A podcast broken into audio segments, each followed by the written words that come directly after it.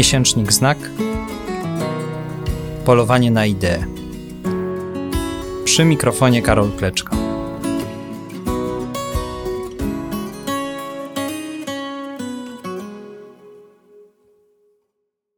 Sowy nie są tym, czym się wydają. Mówi agentowi Dale'owi Cooperowi olbrzym w pełnym onirycznych wizji miasteczku Twin Peaks, a słowa te stanowią memento dla wielbicieli kultowego serialu Davida Lyncha. No dobrze, ale co to właściwie znaczy? I czy może znaczyć coś niebanalnego? Co jeśli historia, dzieje powszechne przebiegały zupełnie inaczej niż to, czego nauczono nas na lekcjach w szkole? Czy taka idea nie jest doprawdy wywrotowa? Chciałbym, abyśmy w tym odcinku polowania na ideę właśnie na takich straceńczo pięknych, imponujących odwagą pomysłach się skupili. Ich apostołem był David Graeber, jeden z najciekawszych myślicieli społecznych przełomu XX i XXI wieku. Zachęcam do wysłuchania całego odcinka, bo na koniec czeka na Was pewna niespodzianka. Urodzony 12 lutego 1961 roku w Nowym Jorku, Greber wychował się w środowisku, które można określić jako robotniczą elitę. Jego rodzice byli pracownikami fizycznymi. Mama była pracownicą przemysłu odzieżowego, ojciec zaś czyścił drukarki offsetowe. Ale prócz tego byli też działaczami politycznymi. Kenneth Greber, ojciec naszego bohatera, brał udział w hiszpańskiej wojnie domowej i rewolucji 1936 roku, zaś sam David wychował się w budynku spółdzielni należącym do związku zawodowego. Nie powinno więc nikogo dziwić, że od wczesnych lat najściślej związał się z aktywizmem, ruchem lewicowym, a szczególnie z ruchem anarchistycznym, które to wątki przebijały się w jego późniejszej karierze naukowej. Greber łączył bowiem dwa talenty. Żywe zaangażowanie społeczne, co widać było choćby przy jego aktywności w ruchu Occupy Wall Street, przypisywano mu na przykład wymyślenie popularnego hasła We are the 99%, choć on sam twierdził, że to dzieło zbiorowe. Łączył ten aktywizm z zainteresowaniem wykluczonymi z przeszłości, prowadzeniem analiz historycznych na ich temat. Sam zresztą w pracy akademickiej nie miał łatwo. Po doktoracie znalazł wprawdzie zatrudnienie na Yale, ale został zwolniony z tamtej uczelni, a następnie nie mógł dostać etatu na innych amerykańskich uniwersytetach.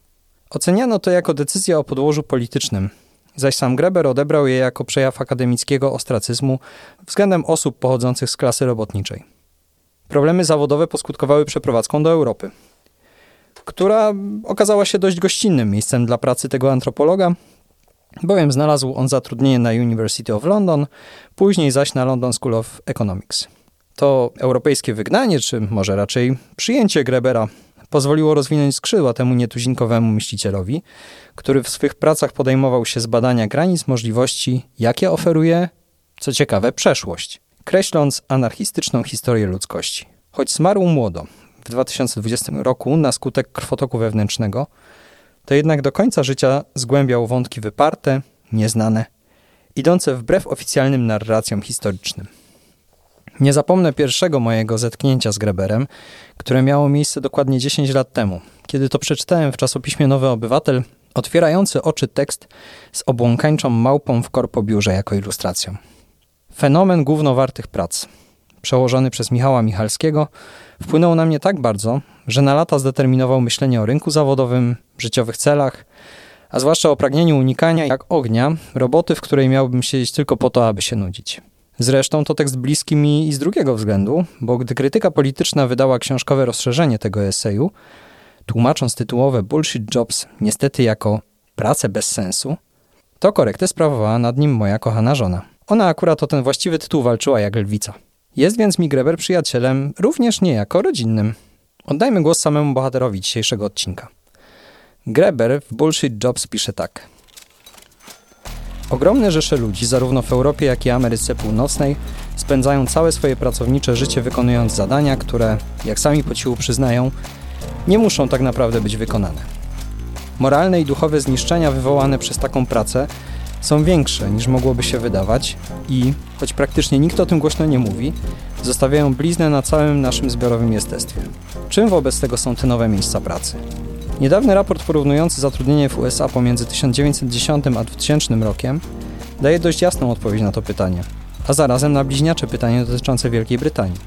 Wraz z mijającym czasem liczba zatrudnionych w przemyśle na roli czy jako służba domowa gwałtownie malała. W tym samym czasie Liczba pracowników na stanowiskach specjalistycznych, menedżerskich, biurowych, sprzedażowych i usługowych wzrosła trzykrotnie, zwiększając swój udział z 1 czwartej do 3 czwartych całkowitego zatrudnienia. Innymi słowy, etaty produkcyjne, dokładnie tak jak przewidywano, zostały w dużym stopniu zastąpione pracą maszyn. Liczba tego rodzaju etatów nie stanowi już tak poważnego procentu w skali świata jak kiedyś, nawet jeśli uwzględnić eksploatowane ponad miarę masy w Indiach i Chinach. Zamiast jednak dopuścić do tego, by czas pracy diametralnie się zmniejszył i uwolnił drzemiący w ludziach potencjał, umożliwiając im realizację własnych projektów, przyjemności, pomysłów i wizji, byliśmy świadkami rozdymania się nie tyle nawet sektora usług, co sektora administracyjnego, włącznie z powstawaniem coraz to nowych dziedzin gospodarki, jak usługi finansowe czy telemarketing, oraz bezprecedensową ekspansją branż takich jak prawo korporacyjne, zarządzanie edukacją, ochrona zdrowia oraz zasobami ludzkimi public relations. Wspomniane wcześniej liczby nie uwzględniają wszystkich ludzi, których praca polega na zapewnieniu bezpieczeństwa, pomocy administracyjnej bądź technicznej dla wymienionych gałęzi gospodarki, tak samo jak całej masy zawodów pomocniczych. Ci fryzjerzy, całonocni dostawcy pizzy, które istnieją tylko dlatego, że wszyscy inni są tak bardzo zajęci jakąś inną pracą. To są właśnie zawody, które proponuję nazwać głównowartymi. Tak jakby ktoś wymyślał bezsensowne zadania tylko po to, aby każdy z nas miał się czymś zająć. I właśnie tu pojawia się zagadka. Oto ma miejsce dokładnie taka sytuacja, jaka w kapitalizmie nie powinna się wydarzyć. W niewydolnych krajach realnego socjalizmu, gdzie zatrudnienie traktowane było zarówno jako prawo, jak i święty obowiązek, system tworzył tak wiele etatów, jak tylko musiał. To dlatego w ZSRR potrzebne było trzech sprzedawców, aby sprzedać kawałek mięsa. Jest to jednak ten rodzaj problemu, który konkurencja rynkowa powinna była rozwiązać. Zgodnie z teorią ekonomii, ostatnią rzeczą, jaką nastawione na zysk przedsiębiorstwo będzie robić, jest wydawanie pieniędzy na pracowników, których tak naprawdę nie potrzebuje. A jednak, w jakiś dziwny sposób, dzieje się tak cały czas. Tu koniec tego obszernego cytatu. Z tym unikaniem jak ognia prac głównowartych to trochę przesadziłem, bo kto z Was nie spędził dnia na przechodzeniu od spotkania do spotkania, mając za temat spotkania o spotkaniach? Niech pierwszy rzuci kamieniem. Znacie to na pewno. Zastanówcie się, ilu z Was albo Waszych przyjaciół pracuje w firmach na stanowiskach służących wyłącznie podtrzymywaniu danego biznesu. Albo ma za zadanie coś, czego nie są w stanie nawet opisać w jednym, dwóch zdaniach. Czy potrafią opowiedzieć o swojej pracy jako czymś sensotwórczym? Albo czy są w stanie pokazać jakieś fizyczne efekty swojej pracy, oprócz własnego zmęczenia? Jako redaktor miesięcznika mam to błogosławieństwo, że co miesiąc dotykam nowego, pięknego i ciekawego numeru znaku – Dlatego tym bardziej współczuję tym ludziom, którym takich doświadczeń brakuje. Ktoś mógłby się obruszyć stwierdzając, że Greber dewaluuje w ten sposób realną pracę, skutkującą przecież wycieńczeniem, ale też przynoszącą często niemałe pieniądze. I wydaje się, że jest coś na rzeczy, ale problem nie sprowadza się wyłącznie do rachunku zysku i strat, ponieważ Greber lokuje go w przestrzeni wartości. Pisze, że klasa rządząca zorientowała się, że ludzie szczęśliwi, produktywni i mający masę wolnego czasu są dla niej śmiertelnym zagrożeniem – co być może pobrzmiewa odrobinę spiskowo, ale wskazuje na istotny, często zapomniany w myśleniu o ekonomii wymiar. Stosunki rynkowe są zależne od wizji człowieka, jaka się za nimi kryje. A ekonomia, koniec końców, jest nauką o wartościach, nie o pieniądzu. Nie da się zrozumieć relacji rynkowych bez wyjaśnienia założeń antropologicznych, jakie się za nimi kryją. Przykładowo wyzysk jest zjawiskiem z porządku moralnego, przede wszystkim dlatego, że traktuje człowieka jako przedmiot w drodze do realizacji celu, a nie cel sam w sobie posługuje się szkodliwym, nieludzkim egoizmem. Greber pisał o stosunkach pracowych, ale tak naprawdę antycypował sytuację, w której dziś znajdujemy się na wielu polach. Pomyślmy, jak bardzo niewolące są rozrywki, którym ulegamy, zagłębiając się na całe godziny w ekranach smartfonów. Sam zastanawiam się, co Greber powiedziałby dziś o takim czacie GPT. Czy faktycznie odsiewa gównowarte prace od tych sensownych? Czy też w miejsce pracy wymagającej koncentracji lub pomysłowości, a zatem jakiegoś treningu umysłu, przyniesie większe przekleństwo w postaci nudnego sprawdzania, czy to, co wypluł algorytm, jest w porządku. Co ciekawe, jeśli zerknie się na polski wpis wikipedyczny o Greberze, to widać, że był ewidentnie tłumaczony przez maszynę. Co zatem może służyć przełamaniu tego zaklętego kręgu, w którym człowiek zostaje pozbawiony przyjemności z życia przez marnowanie jego czasu? Tu odpowiedź. Wyobraźnia. Wyobraźnia jest groźna, bo przedstawiając nieoczywiste, lecz możliwe alternatywy, skłania, aby się do nich kierować. Wyobraźnia prowokuje, bo najmocniej chyba ujawnia, że człowiek może być samodzielny, skoro jest w stanie pomyśleć siebie w innej sytuacji niż ta, w której się aktualnie znajduje. Wreszcie wyobraźnia jest antyideologiczna. Wystrzega się uprzedzeń, stereotypów. Jest odważna i niej właśnie poświęcona jest kolejna praca Grebera, którą chciałbym przywołać w tym odcinku. Mam tu na myśli napisane wspólnie z archeologiem Davidem Wengrowem monumentalne narodziny wszystkiego, nową historię ludzkości. Ze świecą szukać bardziej ambitnego i wszechogarniającego tytułu, choć filozofowie nieraz się w nich lubowali. Od choćby Quine z O tym, co istnieje, albo Sartre z bytem i nicością. Ale jeśli czytelnik chciałby sprowadzić tę liczącą kilkaset stron cegłę do jednej tezy, to brzmi ona właśnie tak. Greber i Wengrow zamierzają przepisać historię, którą znamy. Co by było, gdybyśmy od samego początku traktowali ludzi jako pomysłowe, inteligentne, zabawne istoty, które zasługują na to, by tak je rozumieć? Co by było, gdybyśmy zamiast opowiadać historię o tym, jak nasz gatunek opuścił idylliczny stan równości, zapytali, w jaki sposób zostaliśmy uwięzieni w tak ciasnych pojęciowych kajdanach, że nie możemy już nawet wyobrazić sobie możliwości wymyślenia siebie na nowo? Pytają Greber i Wengrow, zarysowując projekt realizowany w narodzinach wszystkiego i zapraszając do wyjścia z Edenu raz a dobrze. Wydana już po śmierci Grebera praca zrodziła się z prowadzonych przez wiele lat dyskusji z Wengrowem, które koncentrowały się na problemie źródeł nierówności. Mamy tendencję, aby zakładać dwa scenariusze. Albo, że kiedyś wszyscy ludzie byli równi, żyjąc w pozbawionym wszelkich konfliktów pokojowym stanie natury, by dopiero z czasem wraz z rozwojem cywilizacji popaść w nierówności, albo, że naszym naturalnym kontekstem jest konflikt, przemoc, która musi zostać stłamszona – a zatem musi wprowadzić jakąś nierówność między tłamszącymi i tłamszonymi, by zapanował pokój. Te dwie wizje, wokół których osnute jest dziejopisarstwo, to oświeceniowe, dobrze znane mity. Ojcem pierwszego był Jean-Jacques Rousseau, ojcem drugiego Thomas Hobbes. Miał Zabder Jamrus w opublikowanym w znaku tekście Anarchistyczna historia ludzkości opisuje je tymi słowami. Fałsz narracji Rousseau polega na idealistycznej i zupełnie homeostatycznej wizji społeczeństw pierwotnych – i ich relacji z naturą. Gubi ona dynamizm i kulturową wyobraźnię człowieka, przejawianą już u zarania dziejów ludzkości. Sugeruje, że społeczeństwa pierwotne, czy to przez swoje zatomizowanie, czy też idealną harmonię, nie znały sporów, podczas gdy w rzeczywistości miały one różnorodne instytucje radzenia sobie z nieodłącznymi dla człowieka konfliktami. Narracja Hobbesowska tymczasem głosi, że ludzkość zrodziła się z piekła, to opowieść o tym, że w stanie natury życie człowieka było samotne, biedne, bez słońca, zwierzęce i krótkie. Wszystko dlatego, że homo sapiens z natury jest zły, egoistyczny i wyrachowany.